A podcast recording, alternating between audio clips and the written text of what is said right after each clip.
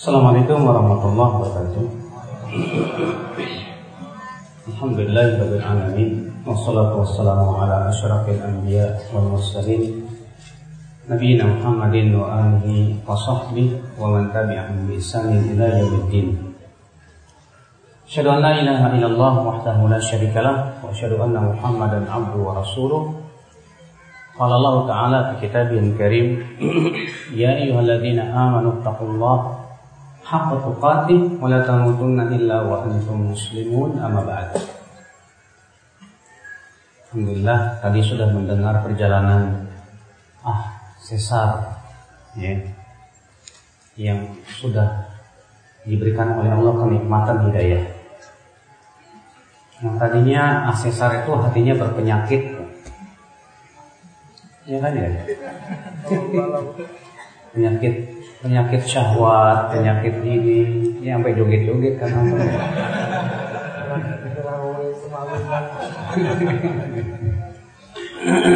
Alhamdulillah Allah selamatkan. Berarti hati sakit itu Pak masih ada cercah kehidupan.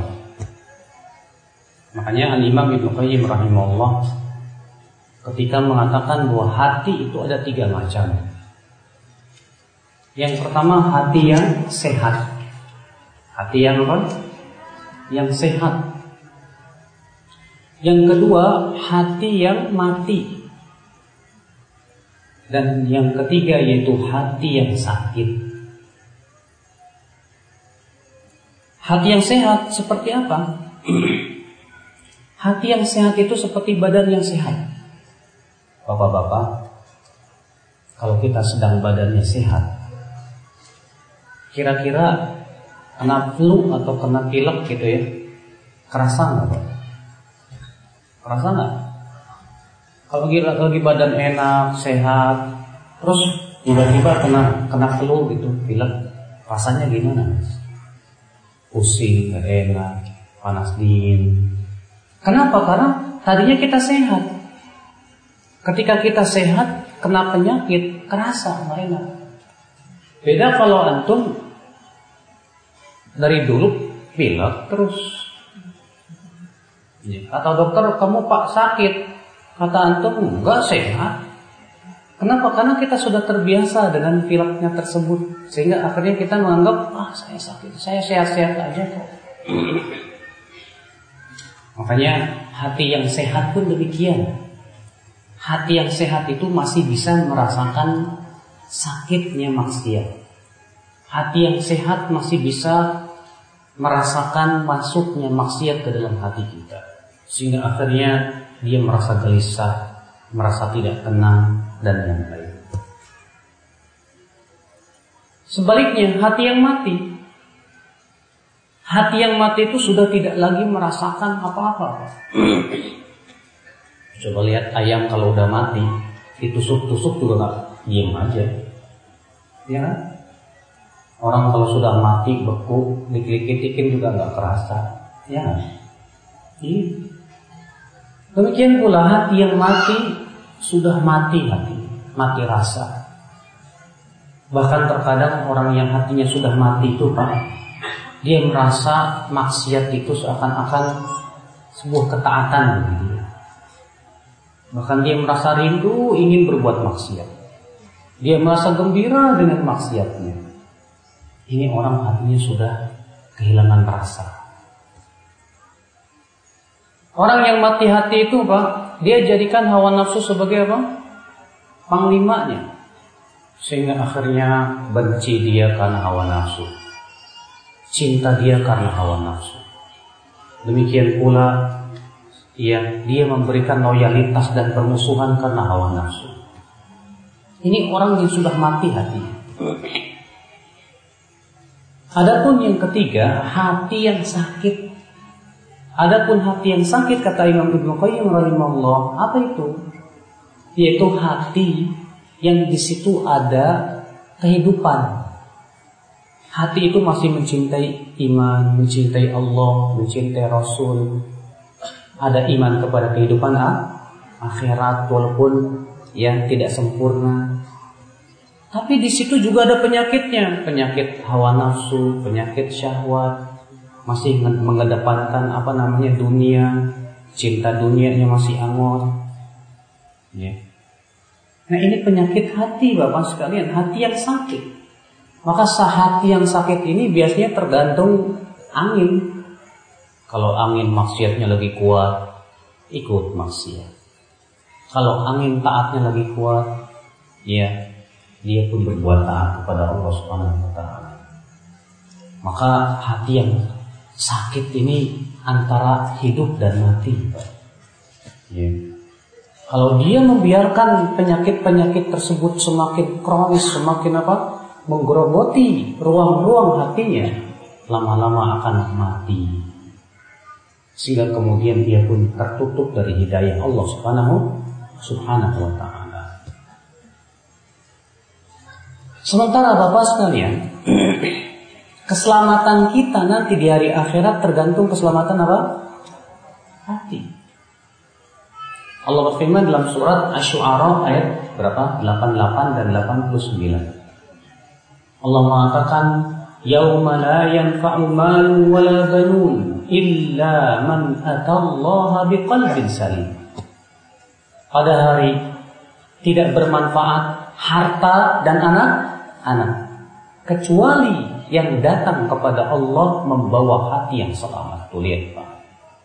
Di hari kiamat kata Allah harta tidak ada manfaatnya. Anak-anak tidak ada manfaatnya. Yang selamat siapa? Yang datang kepada Allah membawa hati yang selamat. Selamat dari apa Pak? Selamat dari penyakit hati. Selamat dari kesombongan. Selamat dari ujub selamat dari ria, selamat dari cinta syahwat, cinta dunia yang berlebihan. Ya. Maka dari itulah Bapak sekalian, kita sebagai seorang mukmin harus lebih memperhatikan hati kita dibandingkan memperhatikan badan badan kita. Kalau kita sakit, badan kita batuk-batuk, flu, pilek, segera cari obat, segera datang ke dokter. Tapi kalau hati kita sakit, terkadang kita tidak merasakannya. Ini yang berbahaya Bapak sekalian. Makanya Pak, perhatian Islam terhadap hati itu luar biasa loh Pak. Ada sebuah sebuah surat, surat di mana Allah bersumpah sebelas kali dalam surat tersebut. Allah tidak pernah bersumpah sebanyak surat tersebut. Ada yang tahu surat apa? Hah? Asy-Syams ahsan. Surat Asy-Syams dalam surat Asy-Syams Allah bersumpah sebelas kali. Allah berfirman wasyamsi waduhaha wal qamari idza talaha wal nahari idza jallaha wal laili idza yakshaha was samai wa wal ardi wa wa nafsin wa masawwa 11 silahkan dicari dalam surat mana pun tidak akan pernah ada Allah bersumpah sebanyak dalam surat ini. Untuk apa Allah bersumpah sebanyak 11 kali ini? Allah menyebutkan jawab sumpahnya sungguh telah beruntung orang yang mensucikan hatinya wa qad dan sungguh merugi orang yang mengotori hatinya. Masya Allah. Ya. Coba setiap kita introspeksi diri. Setiap kita harus introspeksi diri, Pak. Adakah di hati kita penyakit-penyakit hati tersebut? Ada enggak ya? Nah, Insya Allah pada kesempatan pagi hari ini kita akan membahas tentang penyakit-penyakit hati. Apa sih penyakit hati, penyakit hati itu? Bagaimana tata cara pengobatan penyakit hati itu? Ya, kalau penyakit kalau penyakit hati itu nggak bisa di, diobatin pakai botrek, pak, nggak bisa. Pakai paramek nggak bisa. Hmm. Bapak berobat ke dokter, ke mitra keluarga, nggak bisa, pak. Karena penyakit hati itu obatnya harus dengan Al-Quran dan hadis. Ya. Dia penyakitnya beda. Nah, kita akan bahas Bapak sekalian satu persatu apa itu penyakit hati. Yang pertama, penyakit hati adalah kita akan mulai dari yang paling berat dulu ya. Yang paling berat. Apa itu ittibaul hawa? Mengikuti hawa nafsu. Mengikuti apa? Hawa nafsu. Dan orang Bapak sekalian yang menuntut ilmu, menuntut ilmu tapi hatinya masih dikuasai hawa nafsu, itu ilmunya nggak ada manfaatnya. Coba Bapak yang punya mushaf, silakan buka dalam surat Al-A'raf ayat 175. Surat Al-A'raf ayat 175 176.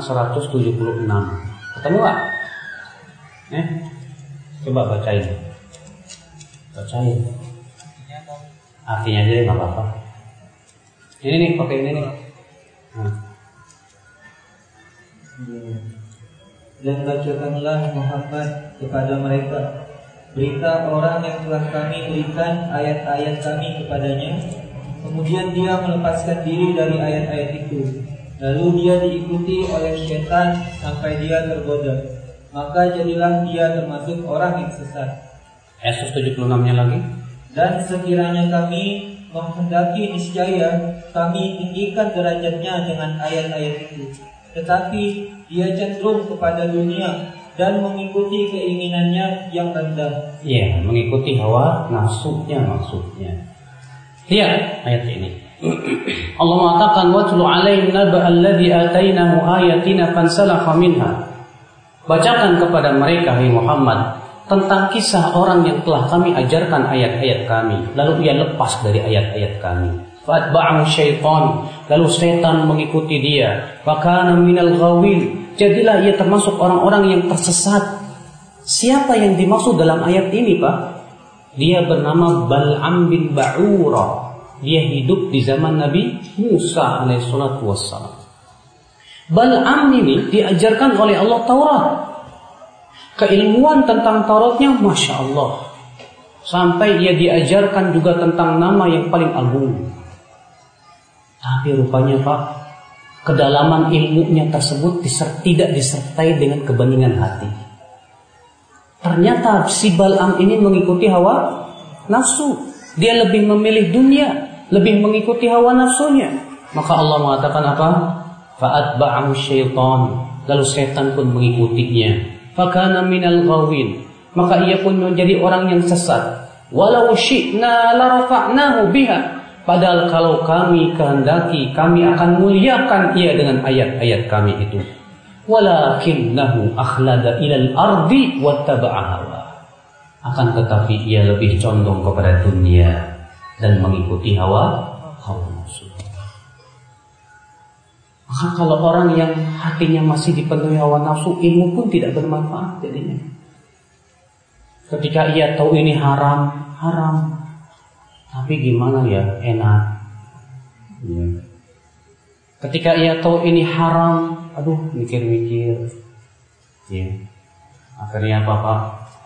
Ah, gampanglah nanti saya istighfar. Nah gampang, nanti saya bisa taubat lah mumpung saya masih muda. Iya. Insya Allah nanti saya mau tobat kalau udah tua.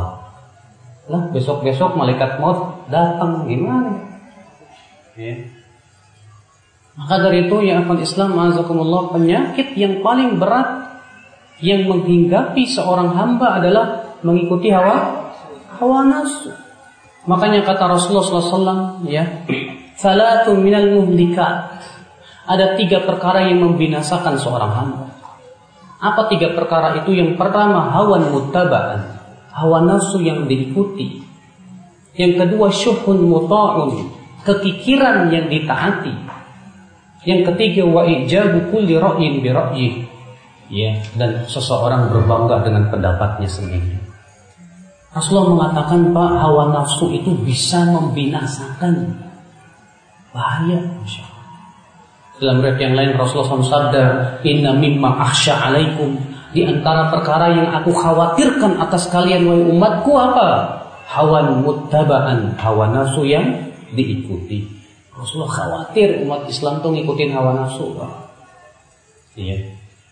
Maka dari itulah hati-hati. Kita di dalam berbuat itu, Pak, jangan yang kita pikirkan adalah ini enak apa enggak. Tapi pikirkan, ini diridhoi oleh Allah Pak. Seorang mukmin kan selalu berusaha selalu mencari keriduan keriduan Allah ya. Coba deh kita introspeksi diri. Kalau kita berpakaian pernah nggak mikir ini pakaian diridhoi oleh Allah enggak? Hah? Atau kita mikirnya gini, wah saya bisa ganteng nggak ya pakai pakaian ini? Terutama perempuan ya, perempuan mau pakai baju, mikir dulu nih, saya bisa tampil cantik nggak ya pakai pakaian ini? Kalau niatnya seperti itu berarti ini karena syahwat dan hawa nafsu. Tapi kalau seorang wanita yang mengharapkan ridho Allah, ketika dia mau beli pakaian atau dia mau pakai pakaian, dia mikir kira-kira Allah ridho nggak ya pakai saya pakai pakaian kayak gini nih? Ya. Ah, jangan-jangan Allah nggak ridho adalah cari pakaian yang diridhoi oleh Allah Subhanahu Subhanahu wa taala. Ini berarti orang Masya Allah hatinya hidup. Ini orang berarti selalu mengharapkan keriduan Allah. Dia tidak mengikuti hawa nafsu. Ikhwatal Islam azakumullah Ini penyakit yang pertama Pak. Penyakit yang kedua apa? Cinta dunia. Dunia itu ada tiga. Yang pertama wanita. Yang kedua harta. Yang ketiga apa? Kedudukan. Wanita. Wah, kalau wanita itu cobaan terberat buat laki-laki, Mas. Kata Rasulullah SAW apa, Pak? Ma taraktu ba'di fitnatan hiya ashaddu 'ala rijal minan nisa. Tidaklah aku tinggalkan fitnah yang lebih berat bagi laki-laki dari wanita. Iya pak. Wanita itu cobaan terberat buat laki-laki. Kalau wanita, cobaan yang terberatnya bukan laki-laki, tapi harta benda. Tapi bagi laki-laki, wanita yang paling berat. Makanya lihat aja tuh. Kalau di grup-grup, kalau ngomongin poligami, pasti paling ramai pak. Iya kan? Iya. Makanya Islam sudah memberikan kepada kita batasan. Ya, supaya laki-laki menundukkan pandangannya. Kata Rasulullah, Allah berfirman dalam surat Al-Mu'minun, "Wa kullil mu'minina yaghuddu min absarihim wa yahfadhu furujahum." Katakan kepada kaum mukminin, hendaklah mereka menundukkan pandangannya dan menjaga kemaluannya. Kamu kalau melihat perempuan cantik dilihatin apa? Hah? Cantik, masya Allah. Andai hati-hati. Iya. Kalau pepatah orang Indonesia, dari mana datangnya? Lintah. Dari sawah turun ke kali. Dari mana datangnya cinta? Dari mata turun ke hati. Iya kan? Emang betul, Pak. Makanya mata itu gerbangnya hati. Maka Allah di sini menutup gerbangnya. Kata Allah, katakan kepada kaum mukminin, hendaklah mereka menundukkan pandangan-pandangan mereka. Cuma buat nundukkan pandangan lu yang susah, Pak. Ada perempuan, astagfirullah. susah benar terkadang itu. Tapi ya, bagi orang yang mengharapkan kehidupan akhirat, astagfirullah. Terus ingat, tidak dari surga lebih cantik dari itu. Insya Allah. Iya, saya dapetin yang lebih baik. Ngapain? Saya ngeliatin kalau secantik-cantiknya dunia, cantik-cantiknya wanita masih ingusan, masih bau kentutnya. Iya. Kalau tidak dari surga, masya Allah. Nah, apa sekali? Allah mengharamkan, Rasulullah mengharamkan seorang laki-laki dan wanita bercampur baur. Tapi terkadang dan ternyata kenyataan di Indonesia di negeri kita ini Pak Pergaulan bebas luar biasa Pak Di sekolah-sekolah Di angkot Di bis di kereta, di mana-mana yang namanya pergaulan bebas, masya Allah. Belum lagi perempuan-perempuan you can see itu you can see kan, ya. Sek Wilda sekitar wilayah dada. Sekarang tuh wanita-wanita banyak yang sudah kehilangan rasa malu, Pak. Mungkin Bapak untuk melihat paha ayam mulus itu harus beli dulu Pak dicabutin atau waktu. Mungkin melihat paha perempuan mulus gampang sekarang. Lebih murah daripada paha ayam. Iya Pak, Masya Allah. Maka dari itulah Islam memberikan kepada kita apa? Perintah. Perintah apa? Tundukan pandangan. Jangan bercampur baur laki-laki wanita. Wanita diperintahkan oleh Allah untuk banyak tinggal di rumah. Wanita diperintahkan oleh Allah untuk menutup aurat-aurat supaya apa terpelihara hati-hati manusia. Subhanallah ikhwata Islam azakumullah ya. Ini ujian, ini fitnah dunia yang pertama. Apa itu? Wanita. Fitnah yang kedua adalah harta. Seorang yang cinta harta terkadang tidak peduli halal apa haram. Ya enggak? Ya. Kata Rasulullah SAW dan riwayat Tirmidzi, "Sayati 'alan nasi zaman la yubalin nasu min aina akhadha al-mal am min halal am min haram."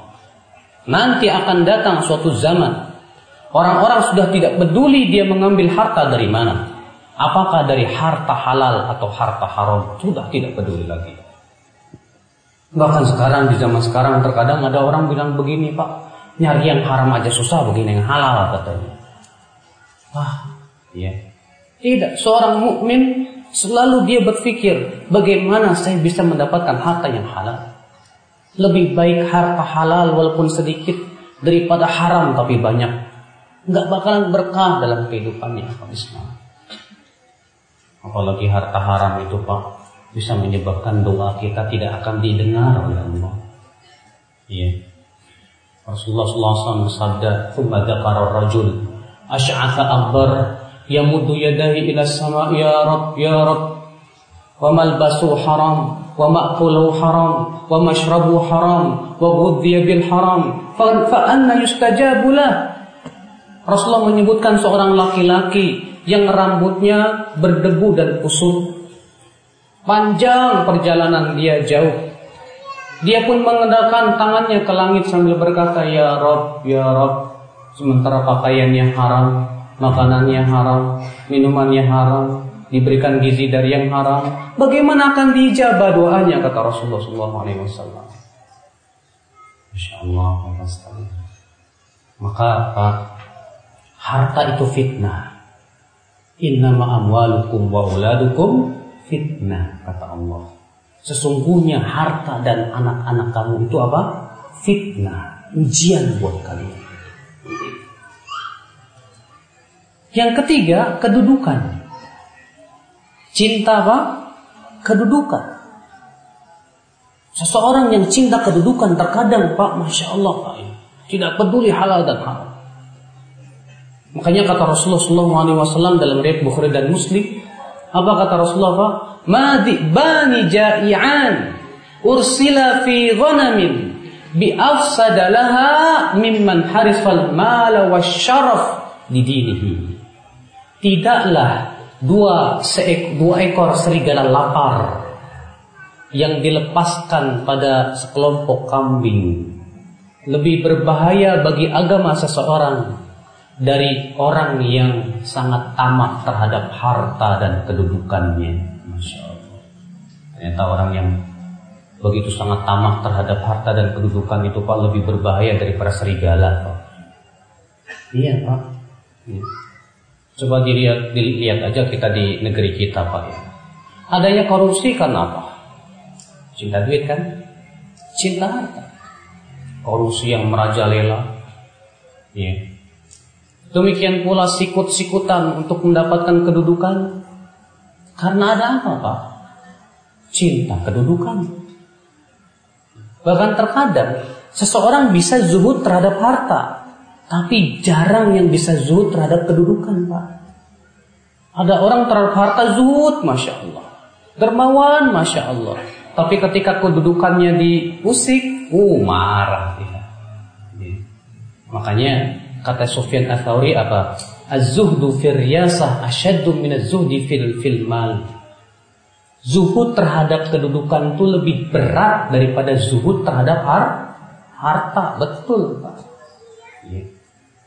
Ikhwata Islam azakumullah wa iyyakum. Ini cinta dunia, penyakit hati. Memang Ustadz nggak cinta dunia, cinta. Siapa di antara antum yang nggak cinta dunia? Nah, siapa? Acung dong. Cinta dunia nggak? Cinta duit nggak? Eh, semua kita tuh cinta dunia, Pak. Karena memang itu sudah difitrahkan, Pak. Allah mengatakan dalam surat Al-Imran apa?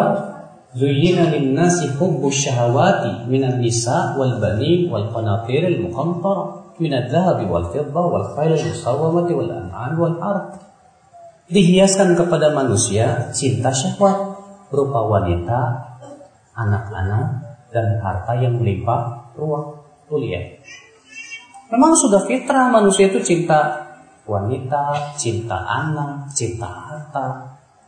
Itu lumrah. Yang dilarang dalam Islam itu cinta dunia berlebihan.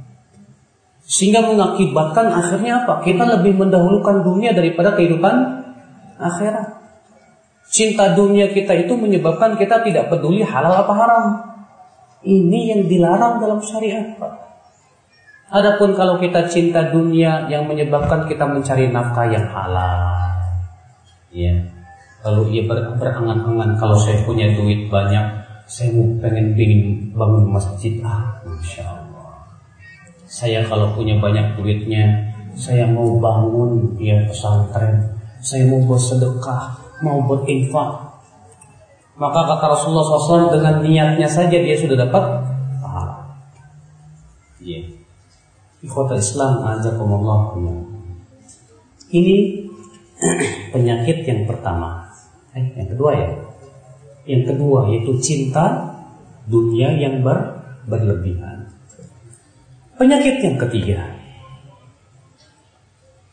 Penyakit iblis.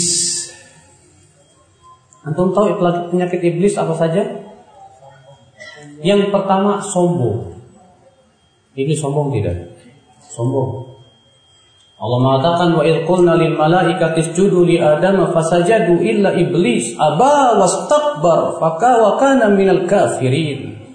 Dan ingatlah ketika kami berkata kepada para malaikat sujudlah kepada Adam. Maka semuanya sujud kecuali iblis. Ia pun enggan dan sombong dan ia pun orang menjadi orang-orang yang kafir. Ah, Bu, saya mau tanya ini. Sombong itu apa sih? Sombong itu apa sih? Apa? Menolak kebenaran dan menganggap remeh manu manusia. Memang itu yang didefinisikan oleh Rasulullah Sallallahu Alaihi Wasallam. Ya, kata Rasulullah, la yadkhulul jannah man kana fi qalbi mithqala dzarratin min kibrin. Tidak masuk surga Orang yang ada di hatinya sebesar biji sawi dari kesombongan. Gitu ya. Kesombongan sekecil apa pun menyebabkan seseorang nggak masuk surga kata Rasulullah. Lalu seorang sahabat bertanya, ya Rasulullah, ayati ahaduna, ya, uh, ayuhib, uh, ahaduna yuhibbu an yakuna na'lu hasanan, wa thawbu hasanan. Wahai Rasulullah, di antara kami ada yang suka pakaiannya bagus, sendalnya bagus, itu sombong bukan ya Rasul? Kita kan terkadang melihat teman kita pakai sepatu baru, ih sombong gitu. Aku estima gitu ya. Ih sombong. Apa kata Rasulullah? Al-kibru batarul haqqi wa ghamtun nas. Sombong itu menolak kebenaran dan menganggap remeh manusia. Di sini Rasulullah SAW membagi sombong jadi dua, Pak. Yang pertama sombong kepada Allah dengan cara menolak kebenaran karena kebenaran itu yang berasal dari Allah Subhanahu wa taala. Yang kedua sombong kepada manusia dengan cara menganggap remeh mereka. Bapak merasa karena Bapak orang kaya raya, punya kedudukan, ketika melihat orang yang lebih rendah derajatnya, Bapak pandang remeh, sombong. Bapak merasa, oh saya kan udah lebih lama menuntut ilmunya. Ya, saya udah 10 tahun menuntut ilmu. Saya sudah hafal 10 juz. Saya sudah banyak tahu hadis. Eh pas ngelihat yang baru ngaji, ah, junior. Saya senior. Cium junior. Nih, hati-hati loh. Seperti ini sombong tidak? Sombong. Ya sombong. Bahkan kata Ibnu Qayyim, seseorang bersombong dengan ilmunya itu lebih berat daripada bersombong dengan hartanya. Hati-hati. Ada orang ikhwata Islam azakumullah ahwat merasa dirinya sudah bercadar sudah jilbaber jilbab jilbab melebar melebar gitu. Iya, udah panjang, udah lama ngaji, pas melihat akhwat yang baru ngaji mungkin juga jilbabnya masih gaul. Ya. melihatnya kayak gimana gitu. Meremehkan. Hati-hati. Ini bisa masuk ke som kesombongan ini. Kalau kita sudah memandang seseorang dengan peremehan kita sudah masuk ke dalam ranah kesombongan. Masuk gitu Makanya dari itulah Pak, ya, para ulama terdahulu menyuruh kita apa? Kalau kita melihat seseorang, coba pikirkan, mungkin dia punya amalan yang lebih besar di sisi Allah daripada saya. Ya. Berkata Bakar bin Abdullah al-Muzani, apabila aku melihat yang lebih muda dariku, aku bergumam di hatiku, aku sudah mendahului dia dalam kemaksiatan. Mungkin dia lebih baik dari saya. Dan kalau aku melihat orang yang lebih tua dariku, aku bergumam di hatiku. Dia lebih mendahului saya dari dalam ketaatan. Mungkin dia lebih baik dari saya. Begitu Pak. Ya. Kita ketika melihat seseorang itu jangan yang kita lihat kelebihan di kita. Kita tidak tahu apa yang ada di hati dia. Kita tidak tahu apa amalan yang menjadikan dia mungkin dengan amalan tersebut dia masuk surga karenanya, ya kan? Kita tidak tahu, Pak. Makanya jangan sombong dulu. Ya, karena banyaknya ilmu, karena banyaknya harta, banyaknya kedudukan, hati-hati, Pak. Hati-hati, kesombongan, kesombongan itu penyakit iblis. Nah, makanya kita selalu introspeksi. Tapi terkadang Pak, ada orang kalau sama manusia tawadu gitu. Tapi ketika disampaikan dalil, wah. Ketika disampaikan kebenaran, wah, sombong. Ini lebih berat lagi. Kalau sombong terhadap manusia dengan sombong terhadap kebenaran, lebih berat mana, Pak? Lebih berat kebenaran, sombong terhadap kebenaran. Kenapa? Karena iblis sombong terhadap kebenaran kebenaran. Diperintah oleh Allah untuk sujud, nggak mau. Maka dia pun menjadi sombong, takabur kepada Allah Subhanahu wa taala. Berat. Hmm. Makanya kita ini Pak, siapa pun yang menyampaikan kebenaran, nasihat, walaupun dia lebih muda dari kita, walaupun dia bawahan kita, terima. Terima Pak. Banyak orang loh Pak ya, banyak orang yang pintar memberikan nasihat. Nih kayak saya nih Ustadz nih pintar banget ngomong-ngomong tuh ya. Ngasih nasihat. Tapi jarang orang yang pintar menerima nasihat loh. Iya. Yeah.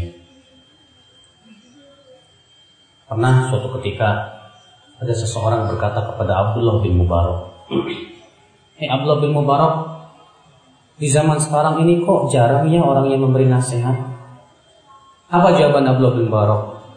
Apa ada yang mau menerima nasihat? Ya.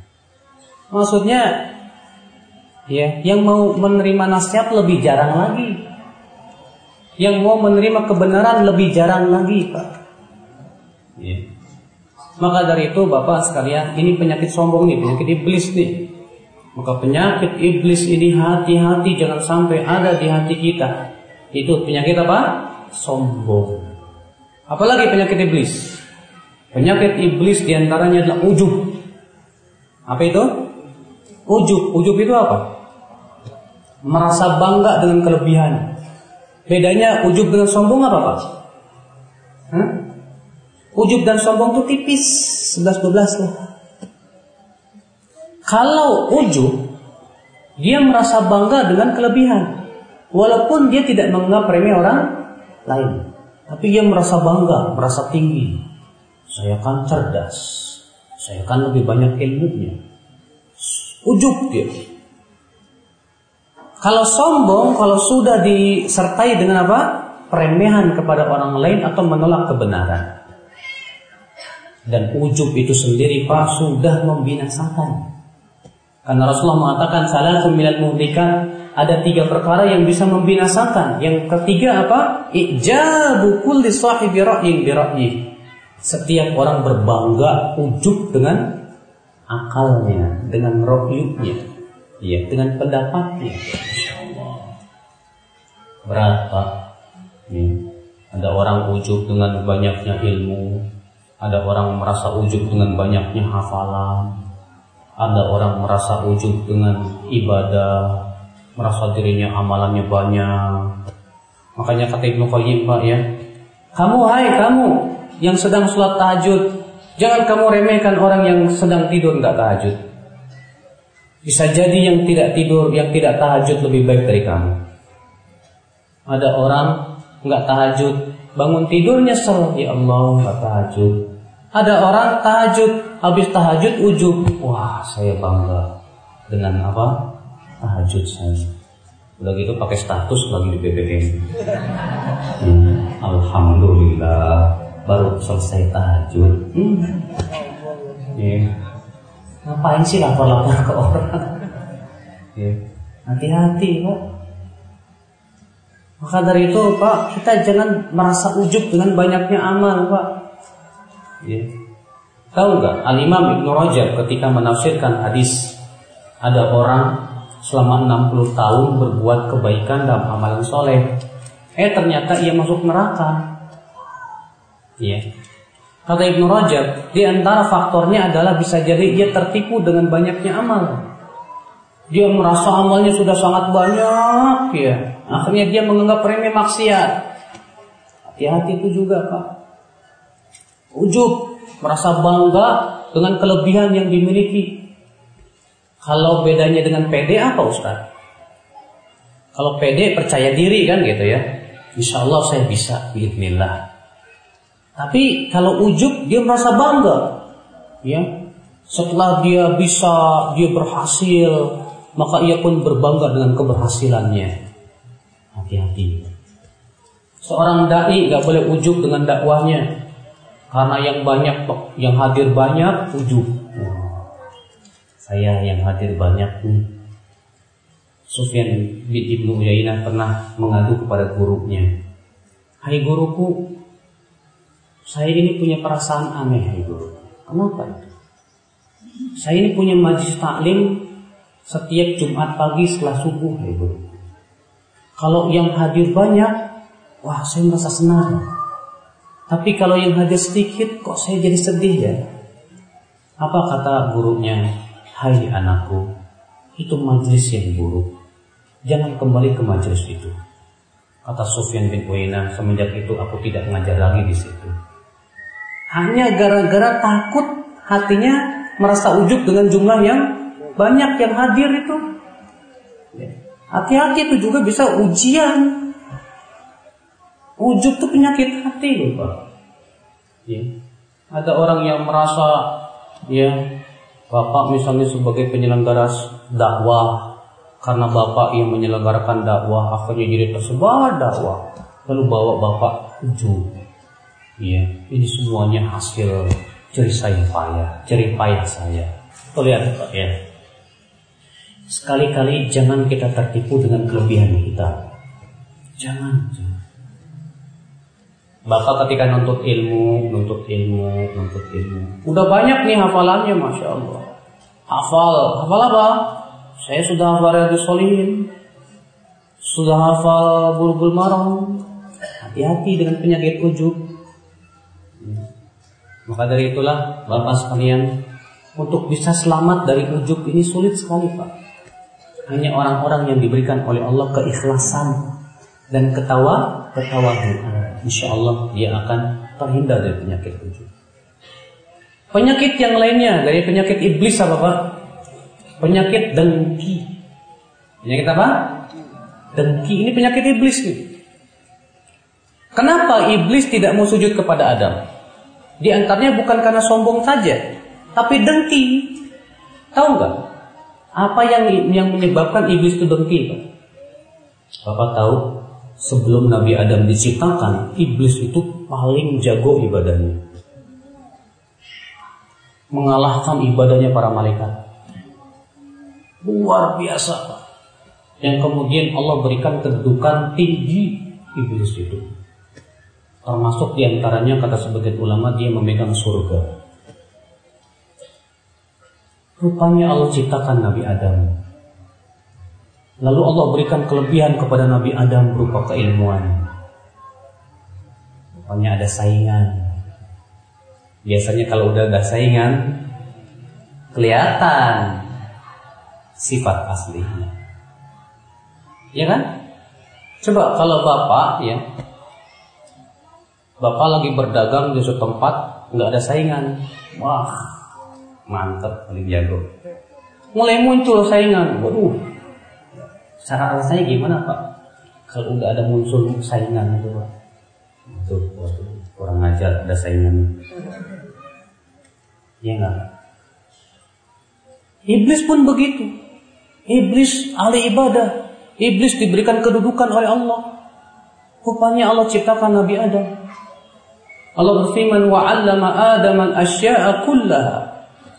Dan Allah pun mengajarkan kepada Adam segala sesuatu. Iya.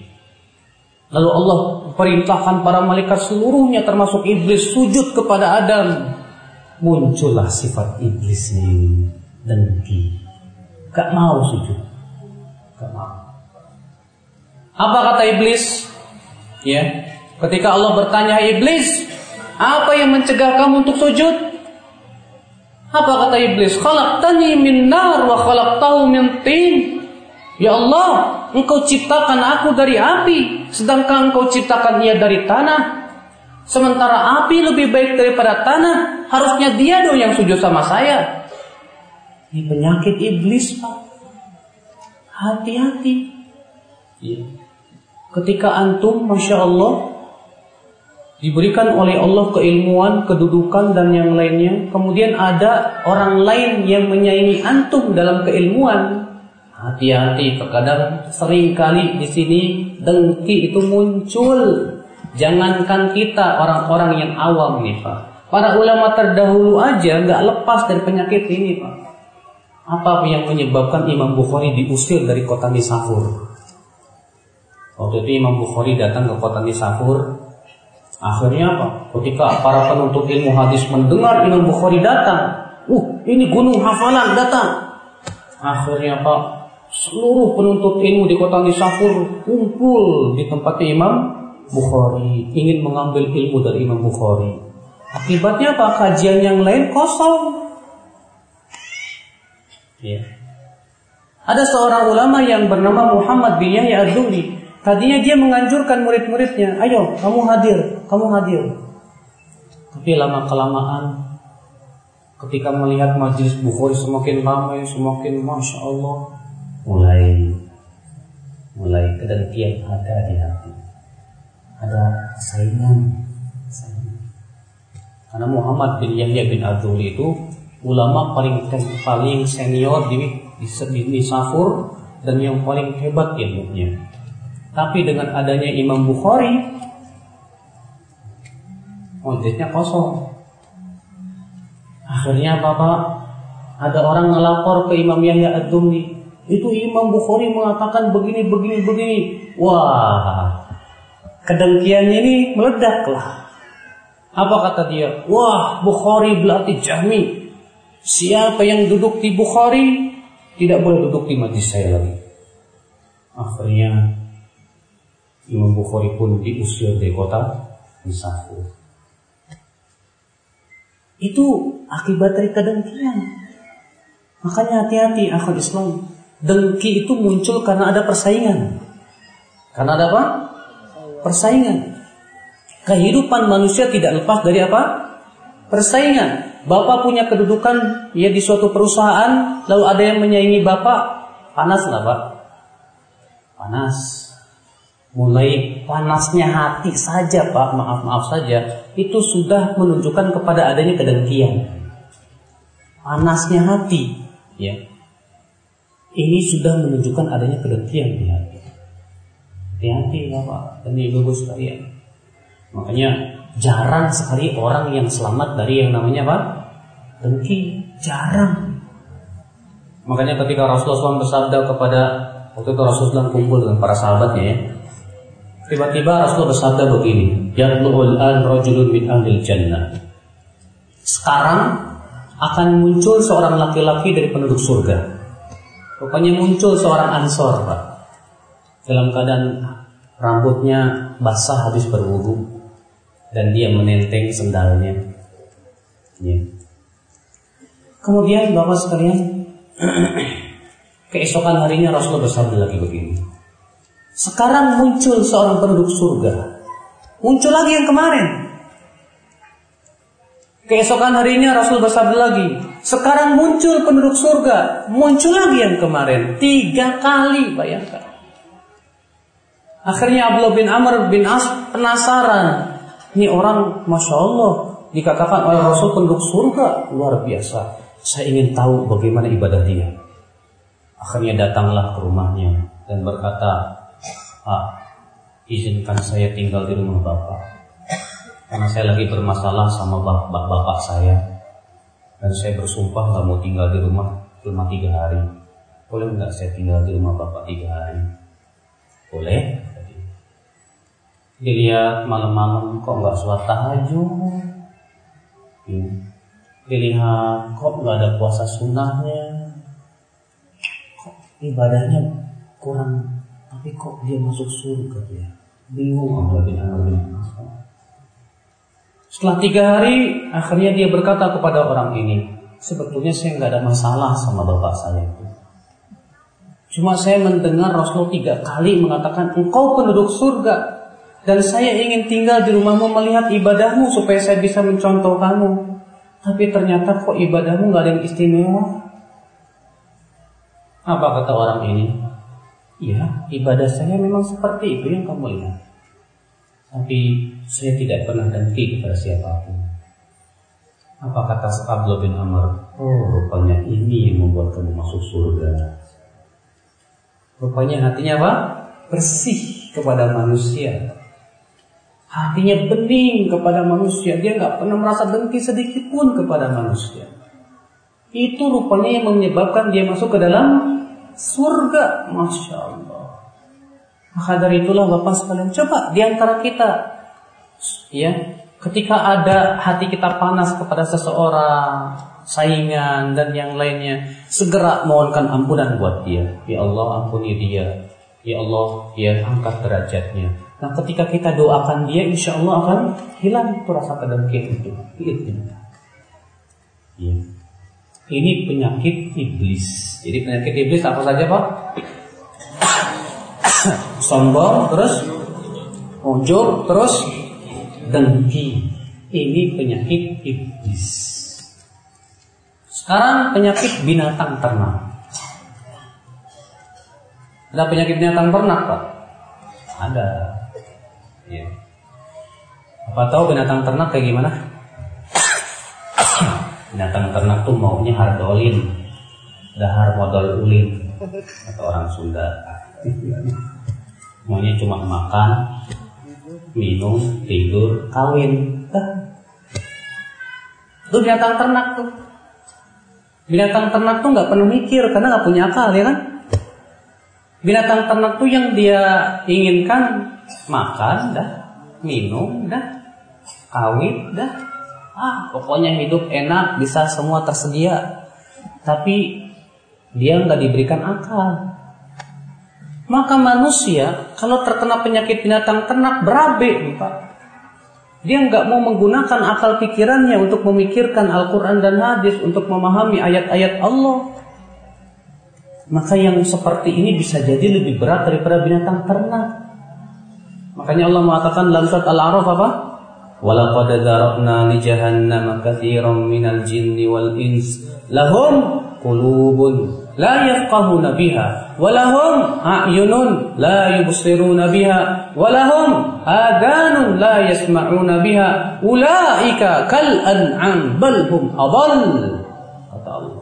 sungguh kami telah mempersiapkan untuk neraka jahanam penduduk-penduduknya. Bagaimana sifatnya?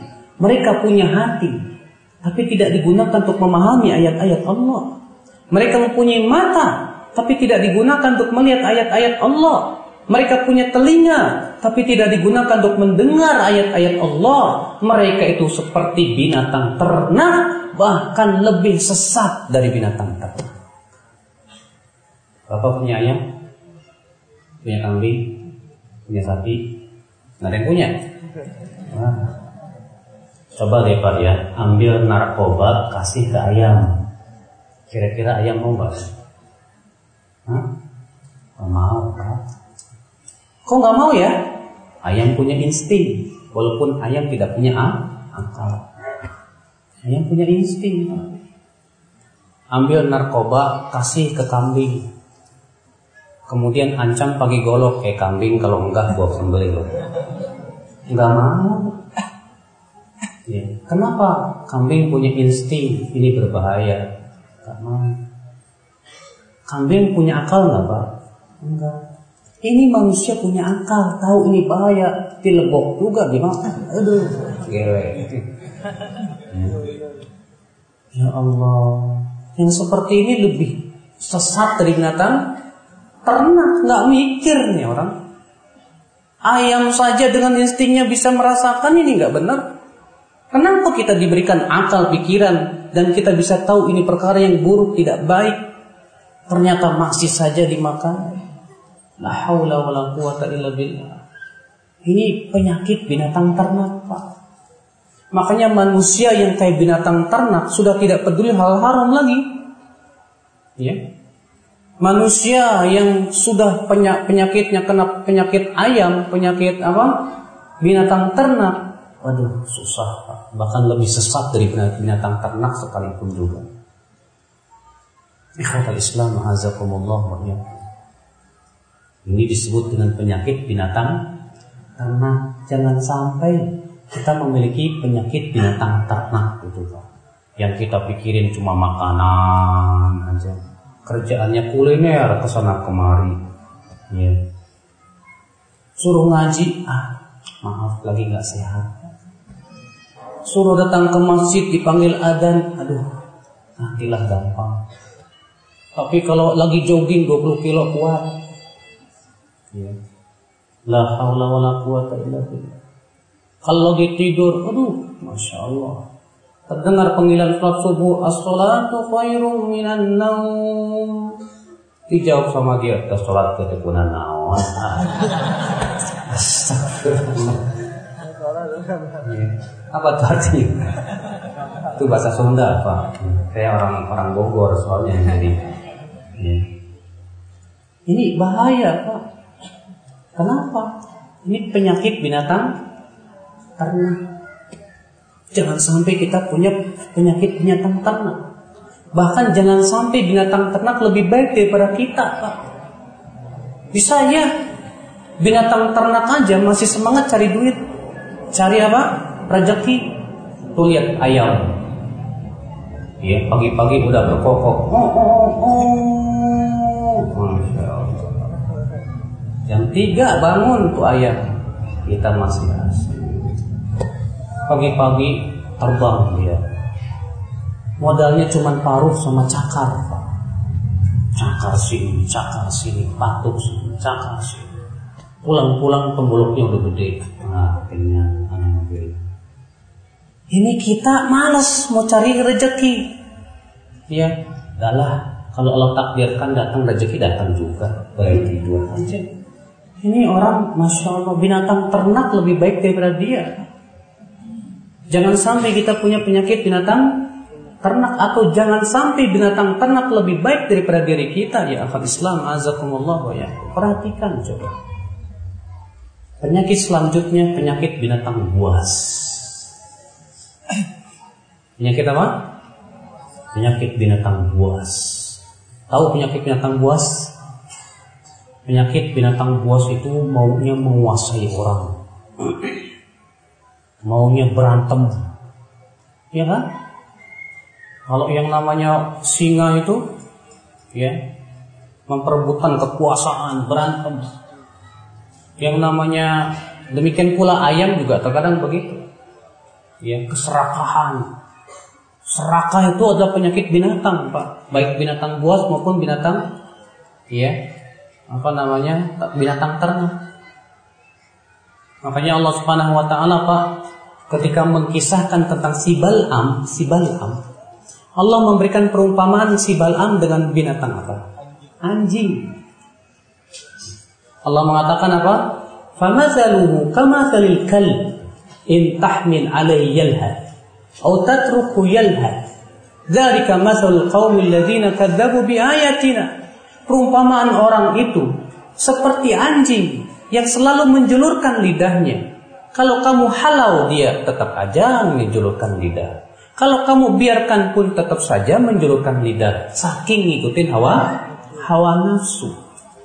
Al Imam Ibnu Qayyim berkata, binatang anjing itu ya sangat tidak bagus sifatnya, Pak. Bapak kalau tawarkan daging segar ke anjing nggak mau. Tapi kalau ditawarkan bangke mau. Itu anjing itu. Anjing maunya yang buruk-buruk. Maka kalau ada orang ya maunya yang haram, berarti ini mirip dengan anjing. Anjing itu Pak, ya, selalu dia yang apa namanya menculurkan lidah ke mana-mana karena ngikutin hawa hawa nafsunya. Maka dari itu hati-hati akal Islam. Jangan sampai kita memiliki penyakit anjing. Iya. Penyakit binatang buas juga. Orang Yahudi diperumpamakan oleh Allah seperti apa? Seperti keledai. Allah mengatakan masalul ladzina humilut tawrah thumma lam yahmiluha kamathalil himar yahmilu asfarah Perumpamaan orang yang diberikan oleh Allah Taurat Kemudian ia tidak membawa dengan semestinya Itu seperti keledai yang membawa kitab-kitab besar. Kenapa diberikan perumpamaan seperti itu? Keledai nggak tahu yang dibawa ini kitab apa. Kitab suci kayak kitab apa kayak yang penting ini berat buat saya. Berarti kalau ada orang yang diberikan oleh Allah Al-Quran, kemudian tidak peduli dengan Al-Quran, tidak mau baca, tidak mau amalkan, dia hanya mengatakan Allah Al-Quran itu beban buat saya. Itu maaf, berarti dia sama dengan apa? Kadai. Maka dari itulah Bapak, ini penyakit-penyakit semua. Penyakit iblis, penyakit binatang buas, penyakit binatang apa? Binatang ternak berupa keangkuhan dan yang lainnya. Ya, hati-hatilah Bapak sekalian. Kita mohon kepada Allah keselamatan dari penyakit-penyakit hati seperti itu. Sekarang kita akan membahas obat penyakit hati. Ya. Apa sih ada obatnya? Ada, alhamdulillah. Al-Imam Ibnu Qayyim rahimahullah dalam kitab beliau yang berjudul Ad-Da wa Dawa menyebutkan beberapa obat penyakit hati. Namun, kata beliau, seorang dokter yang mahir ketika memberikan resep obat itu akan memberikan sesuai dengan jenis penyakit. Iya enggak? Enggak mungkin satu obat untuk semua penyakit, enggak mungkin. Makanya ketika Rasulullah memberikan resep kepada sebagian sahabat beda-beda. Ketika Rasulullah mengatakan habbah sauda obat segala penyakit. Tapi dalam prakteknya apa Rasulullah? Setiap ada penyakit nih habbah sauda. Sedia ada penyakit nih apa saudara? Enggak. Ketika ada seorang sahabat bilang, Hai Rasulullah saudara saya kena mencret. Kata Rasulullah suruh minum madu. Setelah minum madu, tambah mencret ya Rasulullah. Tambah lagi. Tambah menjadi haji ya Rasulullah. Tambah lagi madunya. Iya. Datang lagi tambah mencret Rasulullah. Kata Rasulullah apa? Benar firman Allah dan dusta perut saudaramu itu. Tambah lagi, tambah lagi sembuh. Kata Ibnu Qayyim, kenapa Rasulullah menyuruh tambah-tambah? Karena dosisnya kurang berarti. Ketika dosisnya kurang, penyakit belum bisa sembuh. Tapi kalau dosisnya kelebihan pun jadi malah, malah jadi penyakit. Maka dari itulah untuk mengobati sebuah penyakit harus dosisnya pas. Jangan terlalu kurang, jangan terlalu berlebihan. Kurang tidak memberikan manfaat, berlebihan malah menimbulkan penyakit yang lain. Maka di sinilah ya, di setiap kita untuk tahu dulu apa jenis penyakit yang menimpa hati saya. Hati saya ini kena penyakit apa, Ustaz? Oh, masya Allah, Ustaz, saya terkena penyakit jatuh cinta sama seorang wanita. Wah, ini yang susah pak. Obatnya apa Ustaz? Obatnya cuma satu, kawin. Ya kan? Iya benar. Kawin. Aduh Ustaz mau kawin belum punya duit. Puasa. Ya, kadang kan begitu. Seorang wanita laki-laki kalau sudah jatuh cinta sama perempuan, perempuan jatuh cinta sama dia juga makan ingat dia, minum ingat dia, hehe juga ingat dia. Masya Allah. Akhirnya zikir kepada Allah susah. Susah pak. Baca Quran susah. Habis gimana Ustaz saya baca Quran lihat bak ingat bibirnya dia, lihat aing, lihat ingat ya telinganya dia. Itu akibat daripada itu. Akhirnya apa? Susah zikir, susah. Iya. Makanya Rasulullah SAW mengobatinya dengan cara apa? Menikah. Dah, datang aja ke bapaknya, lamar dia. Alhamdulillah kalau udah menikah sembuh, insya Allah. Iya. Nah, dari itu obat-obatnya ini harus disesuaikan dengan jenis penyakit. Penyakit sombong. Bagaimana obatnya? Ya. Nah ini Bapak sekalian, kita akan sebutkan pertama obat secara umum dulu. Obat secara apa? Umum. Obat penyakit hati secara umum adalah yang pertama Al-Quran. Yang pertama apa? Al-Quran. Karena Allah berfirman dalam surat Yunus ayat 57. Ya ayuhan nas, qad ja'atkum mau'izatun min rabbikum wa shifaa'un lima fis sudur. Ini pembicaranya nggak dikasih minum banget sih buat ini. Udah saja disiapin.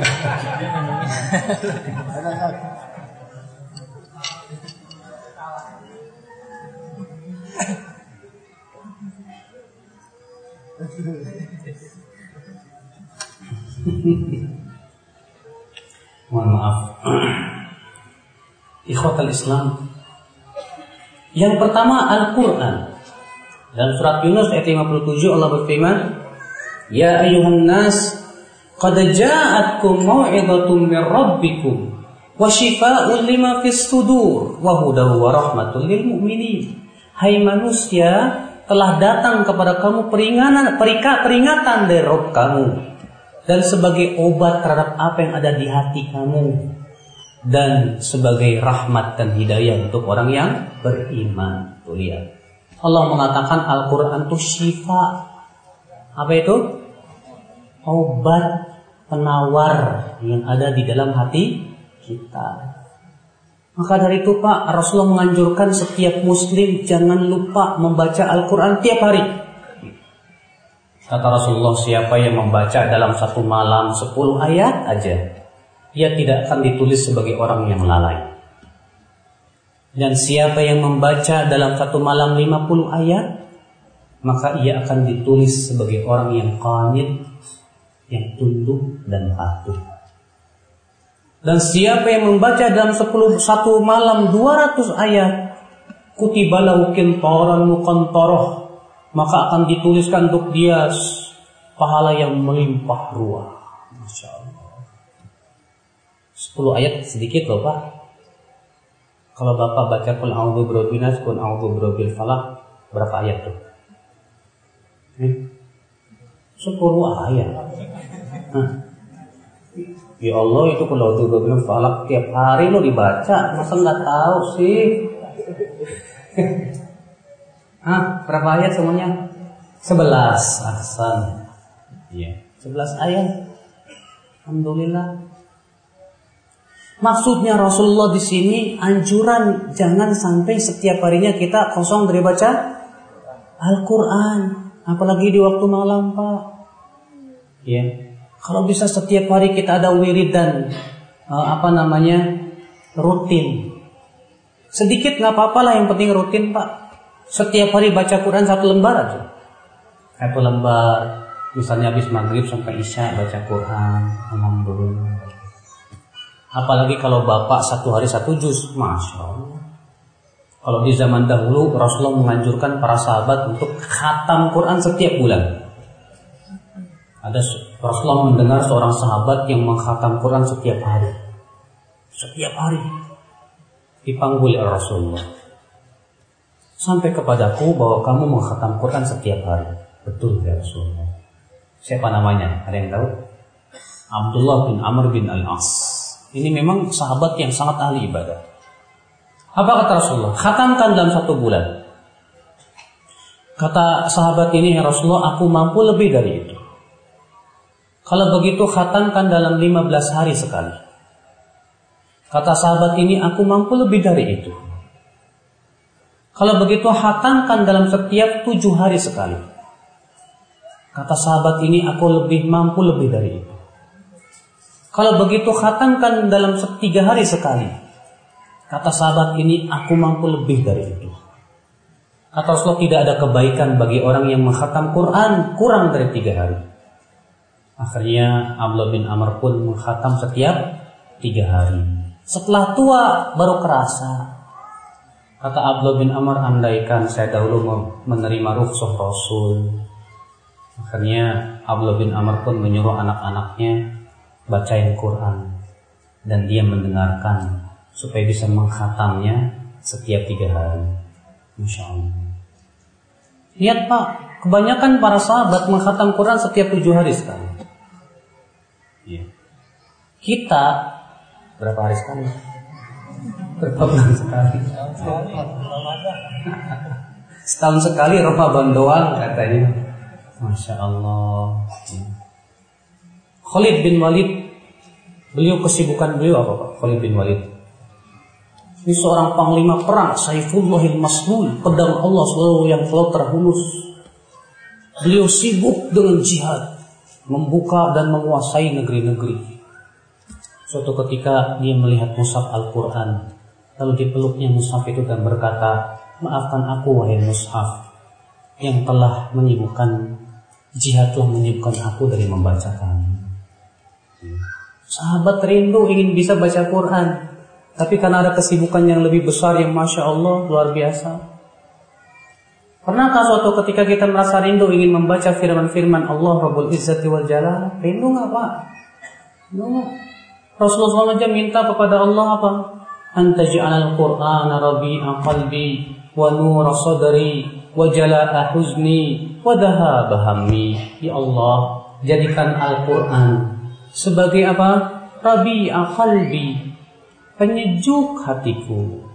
Wa nur sadri, cahaya di dadaku ya dan penghilang kesedihanku dan penghilang kegelisahanku. Kalau orang terdahulu Pak ketika sedih baca Quran. Ketika galau baca Quran. Ya. Kalau di zaman sekarang sedih dangdutan. Ya. Galau ya rock and roll. Gimana akan sembuh penyakit hatinya? nggak bakal sembuh selama-lamanya. Maka seorang muslim itu selalu ingin Al-Quran itu selalu mencer, yang menghiasi hari-harinya. Maka sungguh keindahan seorang hamba yang hari-harinya selalu dihiasi dengan apa? Al-Quran, Al-Quran. Ketika dia macet-macetan di jalan, ya bukan sumpah serapah yang keluar. Dia pun digunakan untuk merojaah hafalan. Masya Allah. Ya, ketika naik motor, naik mobil, ketika macet, merojaah hafalan Bismillahirrahmanirrahim. Rasa nikmat rasanya. Pas maju lagi, aduh pengen macet lagi. Eh. Kenapa? Karena dia sudah merasakan nikmatnya baca Al-Quran. Di saat ketika ia membaca apa namanya macet-macetan. Ya. Maka kalau Bapak, ikhwan kita semua sudah menghiasi hari-hari kita dari dengan membaca Al-Quran, itu hati kita akan menjadi apa? Bening, insya Allah. Ya. Ini yang pertama obat secara umum. Apa itu? Membaca Al-Quran. Yang kedua, obat secara umum mata zikrullah. Banyak berzikir kepada Allah. Lisan kita banyak berzikir kepada Allah. Iya. Ada seorang sahabat mengeluh kepada Rasul nih. Apa kata sahabat ini ya Rasulullah? Inna syara'i al-Islam qad kathurat. Hai Rasulullah, syariat Islam sudah banyak dan sangat banyak. Hai Rasulullah, saya tidak hafal. Famurni bi amlin bi amrin faslin atasyabbatu bi. Tolonglah berikan kepada saya satu amalan saja yang bisa saya amalkan. Jangan banyak-banyak tapi ya Rasul. Apa kata Rasulullah Pak? La yazalu lisanuka ratban min dzikrillah. Senantiasa lidahmu basah dengan berzikir kepada kepada Allah Subhanahu wa taala. Lisannya selalu subhanallah, Alhamdulillah La ilaha illallah Allahu Akbar ya. Ketika Isra Mi'raj Pak Rasul bertemu dengan Nabi Ibrahim Rasulullah bertemu dengan Nabi Ibrahim di langit keberapa Pak? Ada yang tahu? Hah? Ketika Isra Mi'raj Rasulullah SAW bertemu dengan Nabi Ibrahim di langit keberapa? Di langit yang ketujuh Ya karena yang keenam bertemu dengan Nabi Musa, yang ketujuh bertemu dengan Nabi Ibrahim alaihissalatu wassalam. Maka kemudian Nabi Ibrahim pun menyambut Rasulullah. Marhaban bibni salih. Selamat datang anak yang saleh. Wal Nabi saleh. Kemudian Nabi Ibrahim berkata kepada Rasulullah, Ya Muhammad, akri ummataka minni salam. Hai Muhammad, sampaikan salamku untuk umatmu. Masya Allah Nabi Ibrahim kirim salam buat kita semuanya umat Nabi Muhammad Sallallahu Alaihi Wasallam. Wa akhbirhum anal jannata tayyibatu turbah. Kabarkan kepada mereka hai Muhammad, surga itu tanahnya subur dan gembur. Wa an wa anna wa anna dan wa annal ma'a wa anna ma'ahu ya adbun dan bahwasanya wa anna ma'aha adbun. Bahwasanya airnya itu apa namanya tawar dan sejuk wa annaha dan bahwasanya surga sekarang itu masih tanahnya itu masih kosong. Wa anna dan bahwasanya tumbuh-tumbuhannya tanaman-tanamannya adalah subhanallah. Alhamdulillah. La ilaha illallah. Allahu akbar. Rupanya Pak, setiap kita ucapkan subhanallah ditanamkan sebuah tumbuhan di surga. Alhamdulillah tanamkan lagi, tanamkan lagi, tanamkan lagi. Insya Allah. Satu tanaman surga lebih baik daripada dunia dan seisinya loh Pak. Hmm. Ya. Bayangkan Pak. Maka dari itu Pak banyak berzikir, banyak berzikir, banyak berzikir. Kata Rasulullah SAW Pak, Faman dhanna bimali an yunfiqahu. Ya. Siapa yang merasa bakhil untuk menginfakkan hartanya. Wahaba laila an yukabidahu. Siapa yang merasa lemah untuk melewati malam dengan ibadah kepada Allah Subhanahu wa taala. Wa khafal adwa an yujahidahu atau dia merasa pengecut untuk berjihad melawan musuh maka hendaklah ia memperbanyak ucapan subhanallah Alhamdulillah, la ilaha illallah, Allahu Akbar. Masya Allah, bagus sekali. Kalau bapak-bapak merasa lemah untuk tahajud di waktu malam, Ustaz, berat buat saya tahajud di waktu malam. Iya, saya juga mau berinfak kok rasanya kikir, Ustaz, gimana ya? Maka Rasulullah mengatakan apa? Diganti dengan Subhanallah, Alhamdulillah, La ilaha illallah, Allahu Akbar. Tuh banyak-banyakin. Subhanallah, Alhamdulillah, La ilaha illallah, Allahu Akbar. Subhanallah, Alhamdulillah, La ilaha illallah. Luar biasa. Makanya Allah menyuruh kita banyak berzikir tidak? Iya. Allah berfirman, "Ya ayyuhalladzina amanu dzkurullaha dzikran katsira wasabbihuhu bukratan wa asila." Hai orang-orang yang beriman, berzikirlah kepada Allah dengan zikir yang banyak dan Allah memberikan janji dengan ampunan yang besar. Allah berfirman wadzakirina Allah katsira wadzakirati a'addallahu lahum maghfiratan wa ajran 'azima. Laki-laki yang banyak berzikir, wanita yang banyak berzikir, Allah persiapkan untuk mereka ampunan dan pahala yang besar. Masya Allah. Makanya kata Rasulullah SAW sabda apa? Ala ukhbirukum bi azkal a'mal. Ya, wa afdalaha inda malikikum. Maukah aku tak kabarkan kepada kalian amal yang paling mulia di sisi Rob kalian dan yang paling utama bahkan lebih utama dari seseorang yang berjihad dengan hartanya dan jiwanya? Apa itu ya Rasulullah? Kata Rasulullah zikrullah. Itu berzikir kepada kepada Allah Subhanahu wa taala. Banyak zikir, Pak, zikir. Ya. Terutama zikir. Kita ini suka sering lupa loh Pak. Mau tidur zikir lupa. Pas tidur bismika Allahumma. Hilang. Padahal kan zikir-zikir tidur banyak kan Pak. Ya? Belum baca ayat kursinya, belum pul wallahnya, ahadnya, pun nasnya. Belum lagi baca subhanallah 33 kali, alhamdulillah 30 kali, Allah Akbar 34 kali. Ternyata nggak bisa, baru bismika Allahumma aja tidur dah.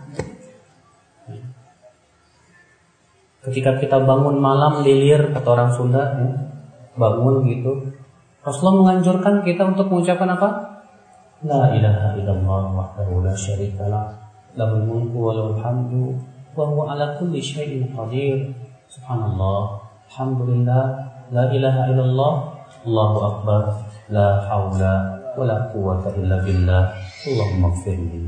Niscaya Allah pasti ampuni dosanya kata Rasulullah.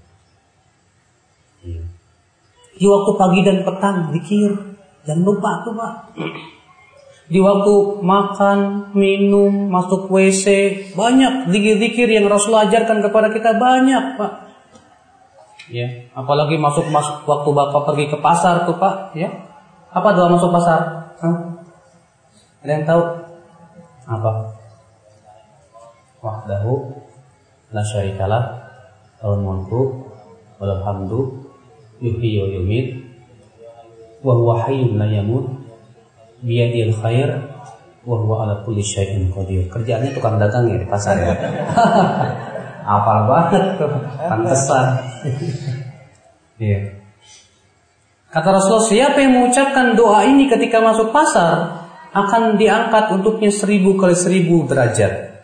Akan digugurkan untuk dia seribu kali seribu ia dosa dan akan dibangunkan sebuah rumah di surga. Cuma baca itu doang. Cuman kan kita pas masuk pasar geliat barang lupa udah. Iya. Masya Allah kekuatan zikir itu luar biasa Pak. Jangan kita anggap remeh. Zikir pagi dan petangnya Masya Allah. Iya. Zikir naik kendaraannya tuh naik kendaraan dari, dari rumah tadi baca doa nggak tuh? Siapa yang tahu zikir naik kendaraan? Cuma itu doang? Kurang. Nah, yang lengkap. Ketika kita mau naik baca bis. Ketika kita sudah duduk baca apa? Alhamdulillah. Terus Subhanalladzi sakhara lana hadza wa ma kunna lahu muqrinin wa inna ila rabbina lamunqalibun. Terus Alhamdulillah. Alhamdulillah. Alhamdulillah. Allahu Akbar, Allahu Akbar, Allahu Akbar. Terus Subhanaka Rabbi Dalamtu nafsi Faghfirli Fa innahu la yaghfiru dhunuba illa ant Maka Allah akan tertawa kepada kita Dan Allah akan ampuni dosa-dosa kita Tapi dibaca nggak tuh tadi itu? Baca Bismillah doang Uli. Eh, cuma bismillah doang. Kurang. Ya. Baca tuh tiap naik kendaraan baca. Kan pahalanya besar di sisi Allah Subhanahu wa taala. Ini kan baik naik mobil kayak naik apa namanya? motor sama aja. Baca itu jangan lupa tuh. Doa naik kendaraan. Tadi masuk masjid baca doanya enggak? Hah? Apa baca doa masuk masjid? Bismika Allahumma amut wahid. Hah, mau masuk masjid apa doanya? Siapa yang hafalnya lengkap? yang lengkap. Hah? A'udzu billahil azim wa biwajhihil karim wa sultanihil qadim minasyaitonir rajim. Terus Allahumma salli ala Muhammad Allahumma ftah li abwaba rahmatik. Nih doanya yang lengkap Masuk masjid tuh Jangan lupa. Ya. Keluar lagi Allahumma salli ala Muhammad. Allahumma ini as'aluka min fadlik. Masya Allah Selalu kebaikan pak. Lisan kita tidak lepas dari apa? Zikir, zikir, masya Allah. Makanya seorang mukmin tuh terke, terkejutnya aja zikir, astagfirullah, gitu kan? Ya. Ketika marah sama orang, Allah ya, dik, keluarnya zikir, bukan setan yang keluar, setan kau. Jangan pak, seorang mukmin tuh semuanya zikir, marahnya zikir, ya. Ketika sedih juga zikir, masya Allah. Itu obat penyakit hati. Ibnu Abbas mengatakan asyaitan jathimun ala qalbi ibni Adam. Setan itu selalu memperhatikan hati anak Adam. Fa in zakarallah khanas. Kalau ia berzikir kepada Allah, ngumpet dia. Fa in ghafila waswas. Kalau ia lalai, ia pun memberikan was-was. Ya. Maka dari itulah ini obat yang kedua, penyakit hati. Apa itu? banyak berzikir kepada Allah. Obat yang ketiga, kata Ibnu Qayyim di dalam kitab Ad-Da'wa Dawa yaitu ad-du'a. Berdoa. Pak, doa itu Pak sangat dicintai oleh Allah.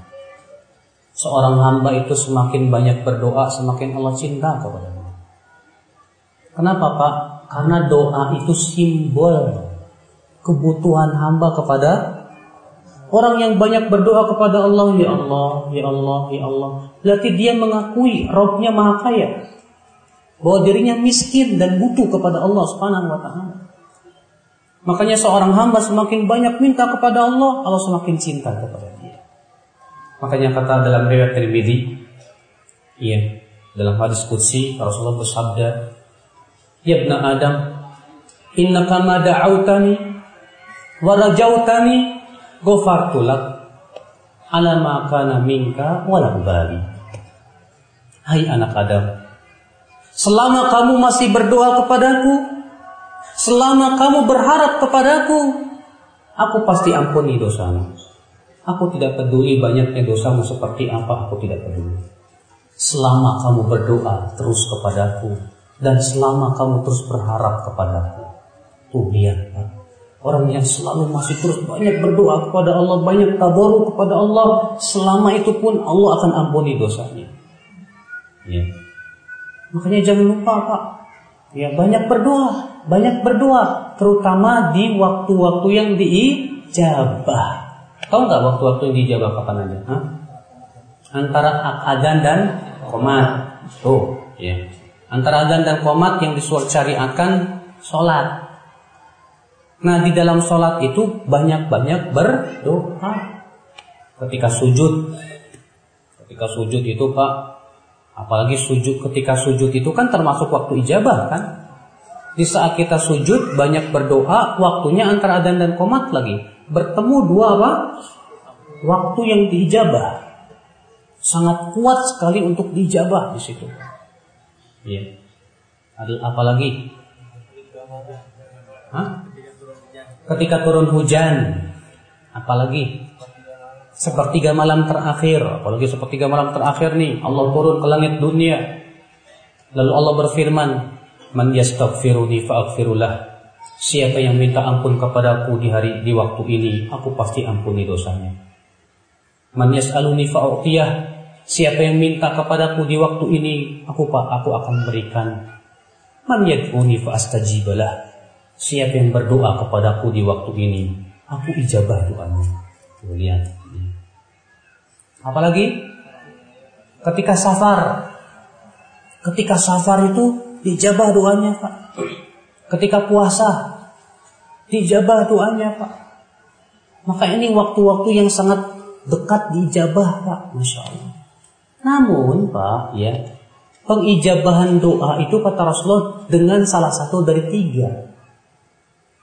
Yang pertama diberikan langsung apa yang dia minta. Yang kedua disimpan di surga. Atau yang ketiga diselamatkan dari mara bahaya. Jadi Allah mengijabah doa seorang hamba itu nggak melulu harus memberikan apa yang dia minta, enggak pak. Bisa jadi misalnya Allah tahu kalau dikabulkan ini mudorot buat kamu ya hambaku. Maka Allah tidak kabulkan disimpan di mana? Di surga. Ya. Kita berdoa ya Allah, ya Allah, saya baru buka toko, ya Allah di pasar, ya Allah. Ya, jadikan toko saya laris dan berkah. Eh besok besoknya pasarnya kebakaran, Pak. Kebakaran semua toko kebakar kecuali toko dia selamat. Dijabah nggak? Dijabah itu, Pak. Maka dari itu kita jangan sudon sama Allah. Terkadang Pak, ada ada perkara yang menyebabkan Allah tidak mau mendengar doa kita Pak. Apa itu? Yang pertama tergesa-gesa minta diijabah. Iya. Kata Rasulullah yustajabu li ahadikum malam yastajil. Selama dia tidak tergesa-gesa, Allah pasti ijabah doanya. Kadang kita bersatu-satu minta, ya Allah, ya Allah, ya Allah. Udah setahun dari kabul-kabulnya. Allah mungkin nggak dengar. Udah lah, capek saya. Sudon kan? Sudon. Makanya kata Umar bin Khattab, ketika kita berdoa, kuatkan hamud doa, bukan hamud ijabah. Yang dikuatkan ketika berdoa adalah keinginan berdoanya, bukan keinginan diijabahnya. Sebab kalau keinginan yang kuat adalah keinginan diijabahnya, kita mudah putus asa. Tapi yang kita kuatkan itu keinginan doanya, Pak. Karena doa itu sendiri sudah sudah apa? Sudah ibadah kepada Allah Subhanahu wa taala. Banyak, tapi ingat, Pak, ketika berdoa perhatikan adabnya loh, Pak. Apa adabnya? Adabnya berusaha di atas kesucian. Apalagi adabnya menghadap ke kiblat. Apalagi adabnya memuji Allah dulu. Apalagi bersalawat bahkan ini rukunnya doa. Bersalawat atas Rasulullah SAW.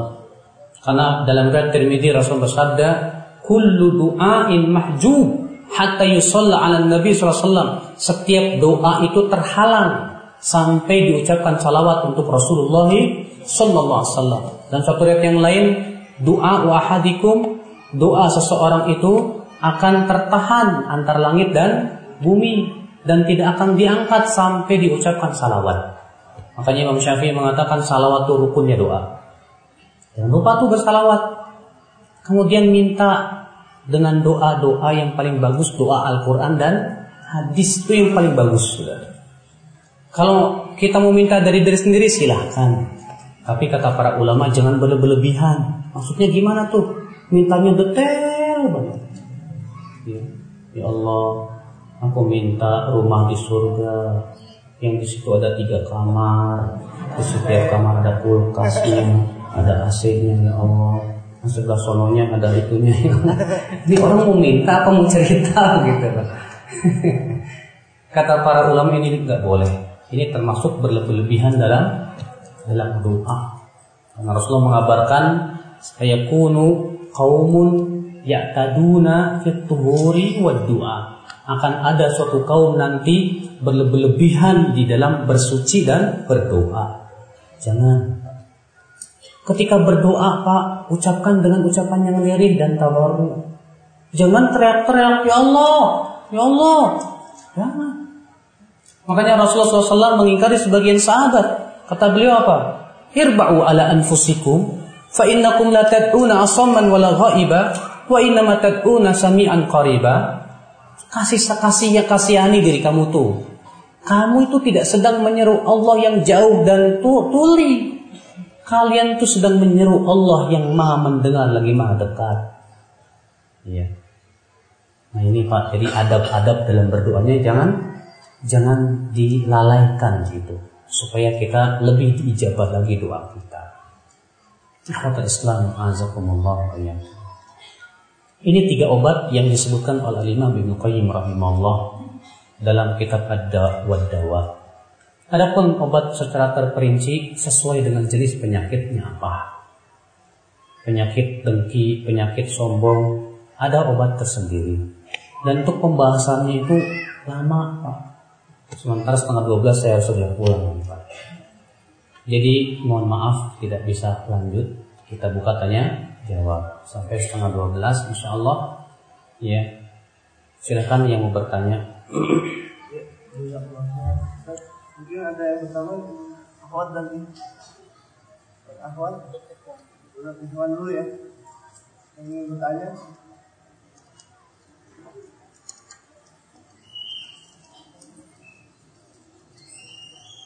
Ada? Mudah-mudahan nggak ada yang nanya nih Pak. Hah? Kertas mungkin ada kertas. Mungkin dari kertas. Assalamualaikum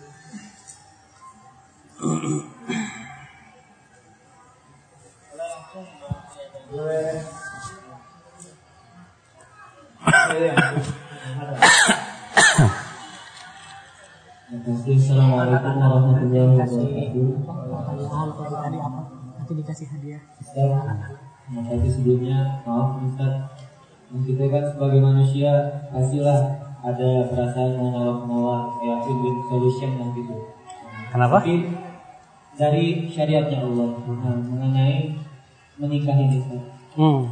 Kita kan laki-laki siapa sih yang gak mau nikah Umur berapa?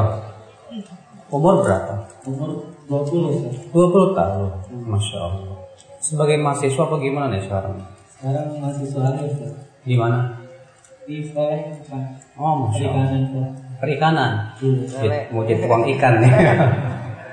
Terus Nah, ini kita udah saling ngerti nih bahwa masalah hayat dunia yang namanya cinta itu yang kanal gitu kan. Iya. Tapi kita nih berusaha untuk gak zina, gak pacaran. Mhm. Kita cuma lihat WA, line, tapi akhirnya benar zikir gak benar kepada Allah. Semua jadi gak benar. Nah, apakah win solusinya? Apakah kita harus ninggalin, benar-benar ninggalin, gak ada hubungan lagi, atau ya kita berusaha untuk nikah tapi nikah nggak punya duit saat apakah gimana nih caranya dari situ saya pusing Iya. Ini lagi galau nih kayaknya. Kalau tak nggak ada duit kan. Siapa namanya? Ahmad Ahmad. Masya Allah, namanya bagus banget Ahmad. Iya.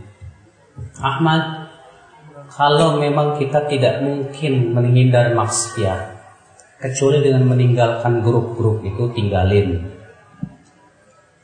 Memang awalnya berat, tapi insya Allah ya lebih mudah dari itu.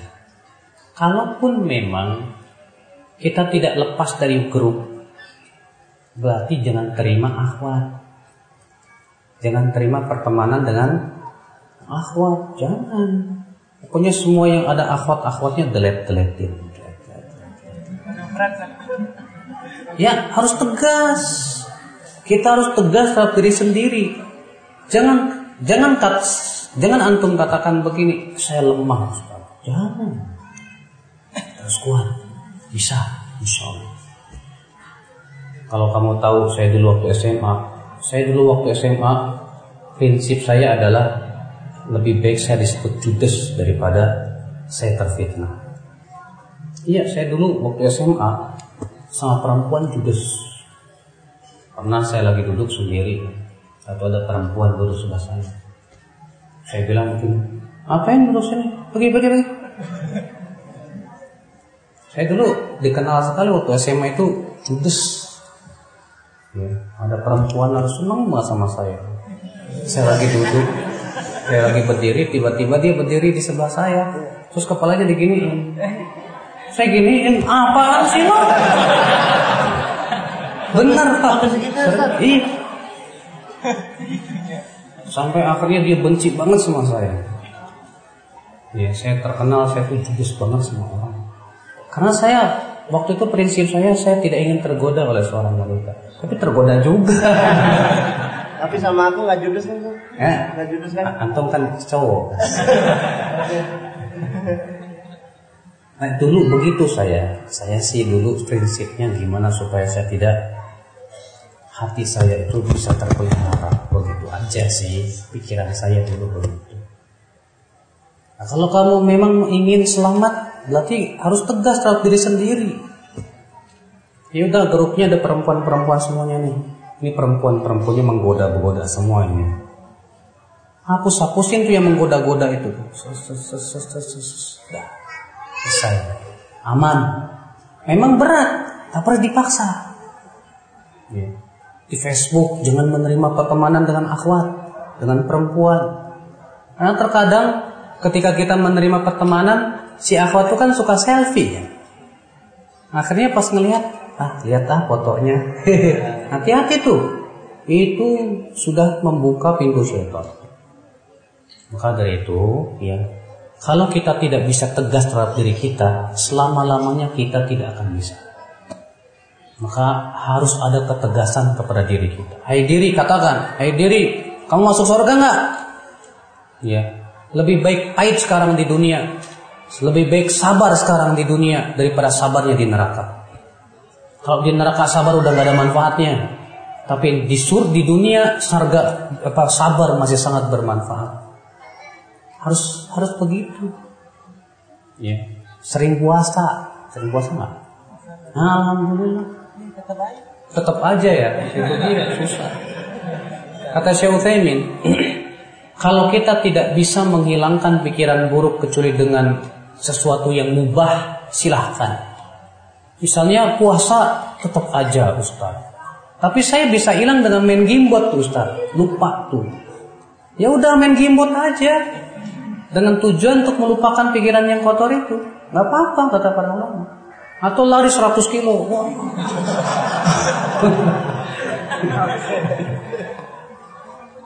Ya pokoknya semaksimal mungkin kita harus lawan, jangan dibiarkan. Sebab ketika dibiarkan tumbuh, tumbuh, tumbuh menjadi jadi, jadi penyakit kronis susah lagi. Ya, mumpung-mumpung belum belum apa belum penyakitnya belum ini ya, belum parah, segera diobati, diobati, diobati. Banyak-banyak duduk di majlis taklim, banyak berzikir kepada Allah dan yang lainnya. Nah itu asal kamunya tegas terhadap diri kamu sendiri harus bisa. Jangan sampai kita masuk dalam hadis riwayat Ibnu Hibban. Kata Rasulullah, khamsatun min ahli. Ada lima orang calon penduduk api neraka. Yang pertama Rasul sebutkan siapa? Ad-da'if alladzi la. Orang yang lemah di hadapan maksiat, tidak punya kekuatan untuk melawannya. Maka yang seperti ini berarti lemah Maaf, Rasulullah mengatakan dia calon penghuni surga. Jangan sampai masuk. Ya, katakan saya mampu insya Allah. Begitu. Wah, insya Allah. Bisa ada yang bertanya? Ya. Dari hamba Allah. Assalamualaikum Ustaz. Awalnya dari rumah dalam hati datang ke kajian pengen biar hati jadi tenang. Tapi lama-lama pas dengerin kajiannya bisa tambah ilmu. Itu gimana Ustaz? Boleh nggak niatnya begitu? Niatnya datang ke sini mau ngapain? Buat tambah ilmu. Biar hati jadi tenang gitu. Oh iya. Ya, ketika kita datang ke majlis taklim tujuannya saya pengen uh, apa hati supaya tenang. Pas duduk di majlis taklim dari tambah ilmu kita. Itu kan luar biasa kan? Yang diperintahkan oleh Allah kepada Rasulnya apa? Minta tambahan il. Allah berfirman, "Wa rabbi zidni ilma." Katakan, "Ya Allah, tambahkan ilmuku." Kata Ibnu Hajar, ayat ini menunjukkan keutamaan ilmu dibandingkan harta. Karena Allah tidak mengatakan, katakan, tambahkan ya Allah kepadaku hartaku. Tapi Allah mengatakan, ya Allah tambahkan ilmuku. Itu menunjukkan ilmu lebih baik daripada harta. Maka Alhamdulillah, kita mendapatkan dua sekaligus. Ketenangan hati, ketenangan batin, dan bertambahnya ilmu kita. Alhamdulillah. Itu nikmat besar. pertanyaan Ustaz. Assalamualaikum warahmatullahi wabarakatuh. Assalamualaikum Jika kita berdoa terus misalnya berdoa minta dilunaskan hutangnya. Nah, Lalu tapi nggak lunas lunas. Nah, lalu hutang belum lunas. Nah, Tapi sudah terpanggil sudah datang malaikat maut. Lalu itu Waduh. bagaimana? Bukankah jika kita masih berhutang maka tidak bisa masuk surga atau neraka? Iya. Assalamualaikum. Kita sudah berusaha bayar utang, tapi ternyata belum bisa. Berdoa terus sama Allah, ya Allah bayarkan utangku. Ternyata belum lunas-lunas. Eh, meninggal dunia. Dalam keadaan meninggalkan uh, utang. Sementara kita sudah keingin banget bayar utang. Ingat, Allah mengetahui apa yang ada di hati seorang hamba. Kalau si hamba ini memang jujur kepada Allah bahwa dia memang ingin bayar utang, Allah pun jujur kepada dia. Allah akan bayarkan utangnya nanti pada hari kiamat. Makanya Rasulullah bersabda apa? Usdukillah yasdukka. Jujur kamu kepada Allah. Allah pun akan jujur kepada kamu. Iya. Maka kalau memang kita sudah jujur dan ingin sungguh-sungguh bayar utang, nggak kebayar juga gimana? Ya, kalau seperti itu Allah maha tahu. Dia jujur ini orang baik ingin bayar utang, dia sudah berusaha bayar utang, sudah usaha sana sini tapi mentok sana sini. Maka yang seperti ini insya Allah Allah maafkan biiznillah. Iya. Eh, sebelum Nah. pertanyaannya, nanti eh, insya Allah akan ada sedikit door prize, yaitu bagi siapa saja yang bisa menjawab pertanyaan dari Ustaz eh, untuk ikhwan yaitu dua door prize untuk anak-anak nanti insya Allah bagi siapa yang bisa menjawab pertanyaan Ustaz nanti ada tiga door prize dan untuk akhwat nanti ada dua door prize. Nah, sebelum eh, Ustaz memberikan pertanyaan eh, kita teruskan eh, tanya jawab. Ya. Assalamualaikum Ustaz. Ustaz boleh Assalamualaikum. Ustaz bolehkah kita iri kepada orang yang mempunyai ilmu dan kita ingin seperti dia misalnya dalam menghafal Al-Quran. Masya Allah itu iri yang terpuji mas. Ya. Kata Rasulullah "La hasada ila fitnatain. Tidak boleh iri kecuali kepada dua orang. Yang pertama rajulun atahu Allahu malan. Orang yang diberikan oleh Allah harta. Lalu ia habiskan hartanya di jalan Allah. Ia berkata, andai aku punya harta seperti dia, aku ingin berinfak seperti dia. Yang kedua, rajulun atahu Allahu ilman. Ya, fahuwa yaqdi bihi wa yu'allimuhu.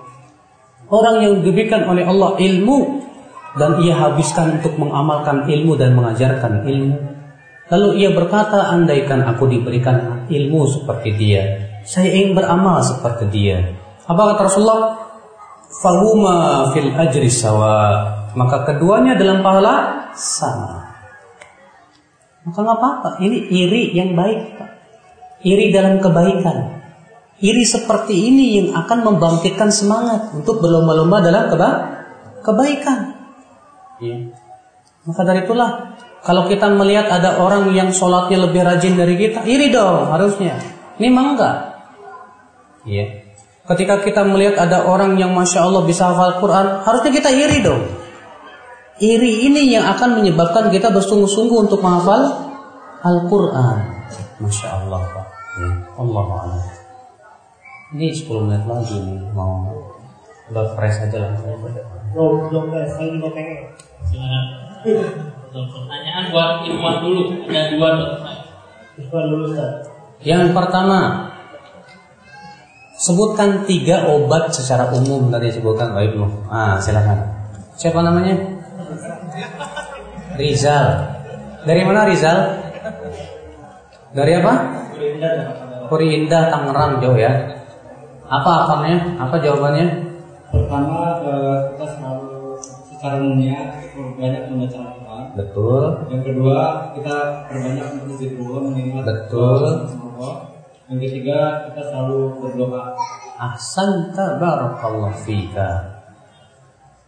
Jadi saya mau jawab Ustaz. Pertanyaan yang kedua, Dari tadi mau jawab tadi. Tercatat Ustaz. ente nggak boleh jawab. Pertanyaan yang kedua, sebutkan tiga penyakit iblis. Nah, tuh, tuh, yang pakai kacamata tuh si anak tuh. Siapa namanya? Tiga penyakit iblis itu. Yang pertama. Yang pertama itu itu? Sombong sombong, Kedua iri iri, dengki, Tiga ujub ujub. Betul. Siapa namanya? Azmi Azmi, masya Allah. Silakan dikasihkan hadiahnya.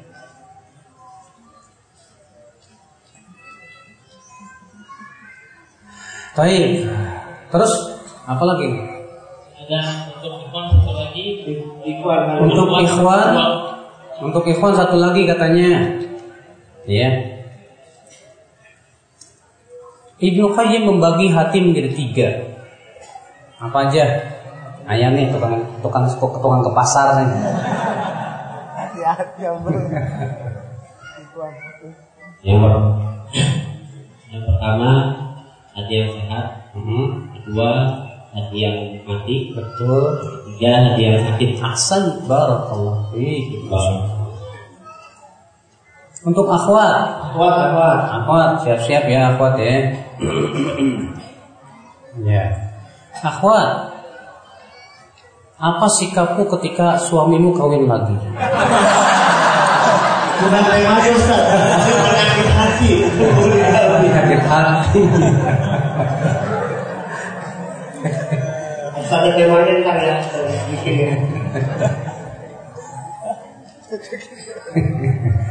Nggak jadi kita nggak jadi nggak jadi nggak jadi. Nanti pedih jawabannya pedih. Pertanyaan akhwat, ya akhwat, sebutkan salah satu sifat binatang ternak.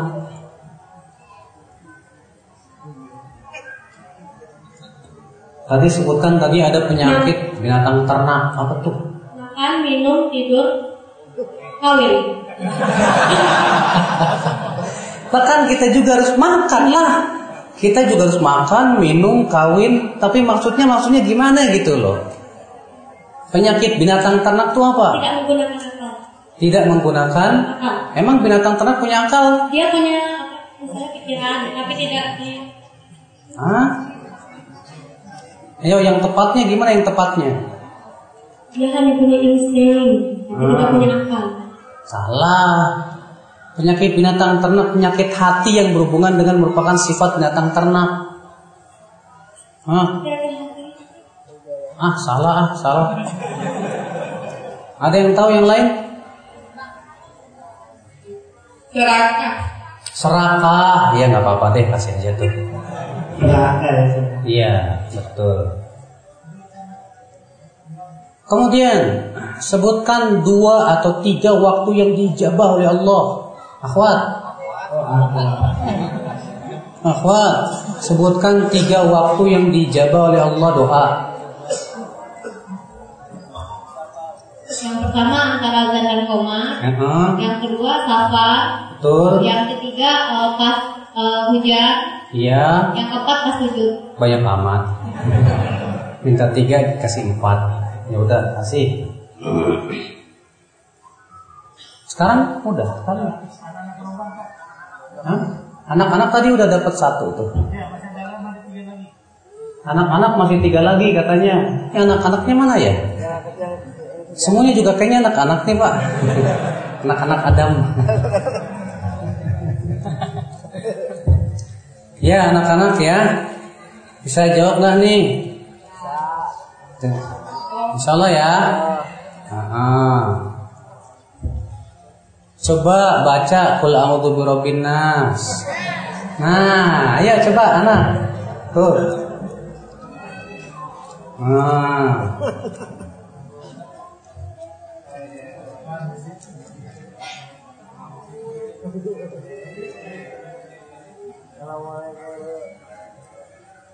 أعوذ بالله من الشيطان الرجيم بسم الله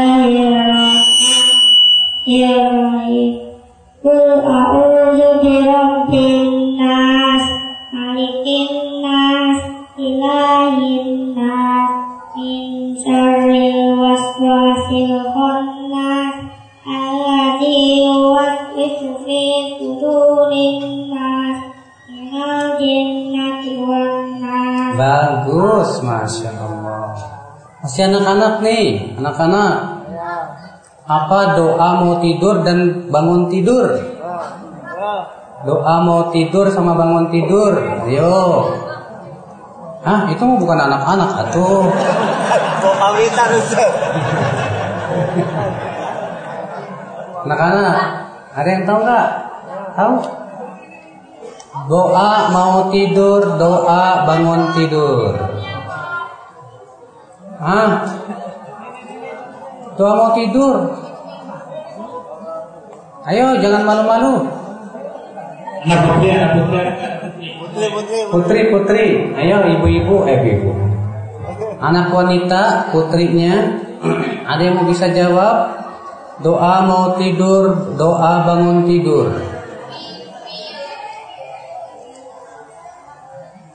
Ada nggak? Ada? Nana itu tuh, tuh, tuh. Silakan. Doa mau tidur apa? Bismika Allahumma wa ahya Bangun tidur? Alhamdulillahilladzi ahyana ilaihi nusur Bagus, masya Allah. Alhamdulillah. Terakhir buat anak-anak yang putri maupun yang putra, sebutkan doa buat orang tua. Nah ini nih, ayo. Doa buat orang tua. Bismillahirrahmanirrahim